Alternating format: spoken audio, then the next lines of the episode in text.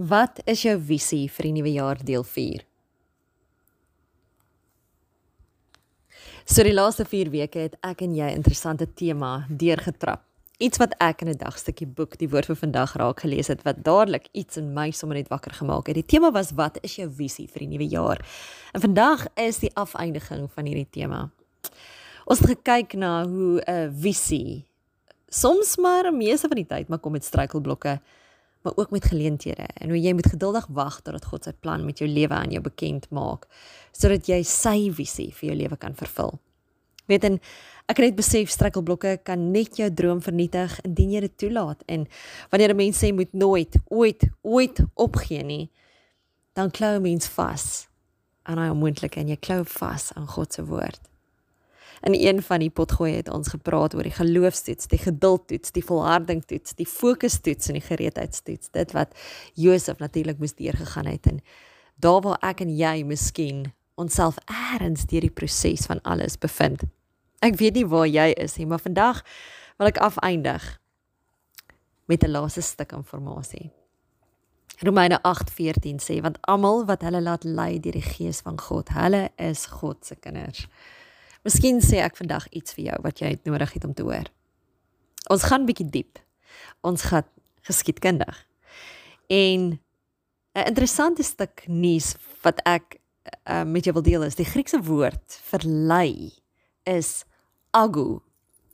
Soos 'n lei, L E I, agu. En dit beeld so 'n perd uit wat rondgelei word aan 'n toom.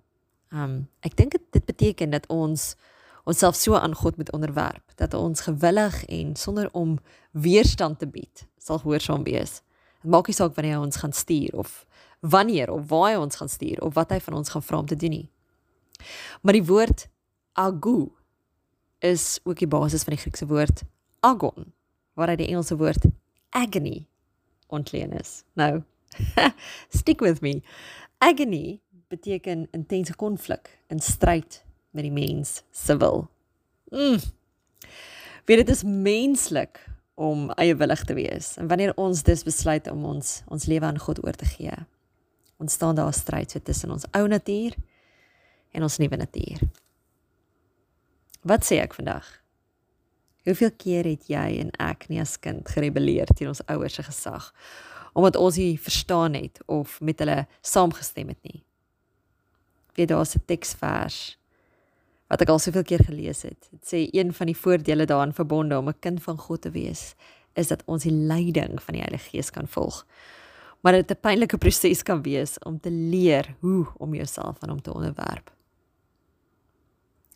Wat het ek en jy nodig vandag?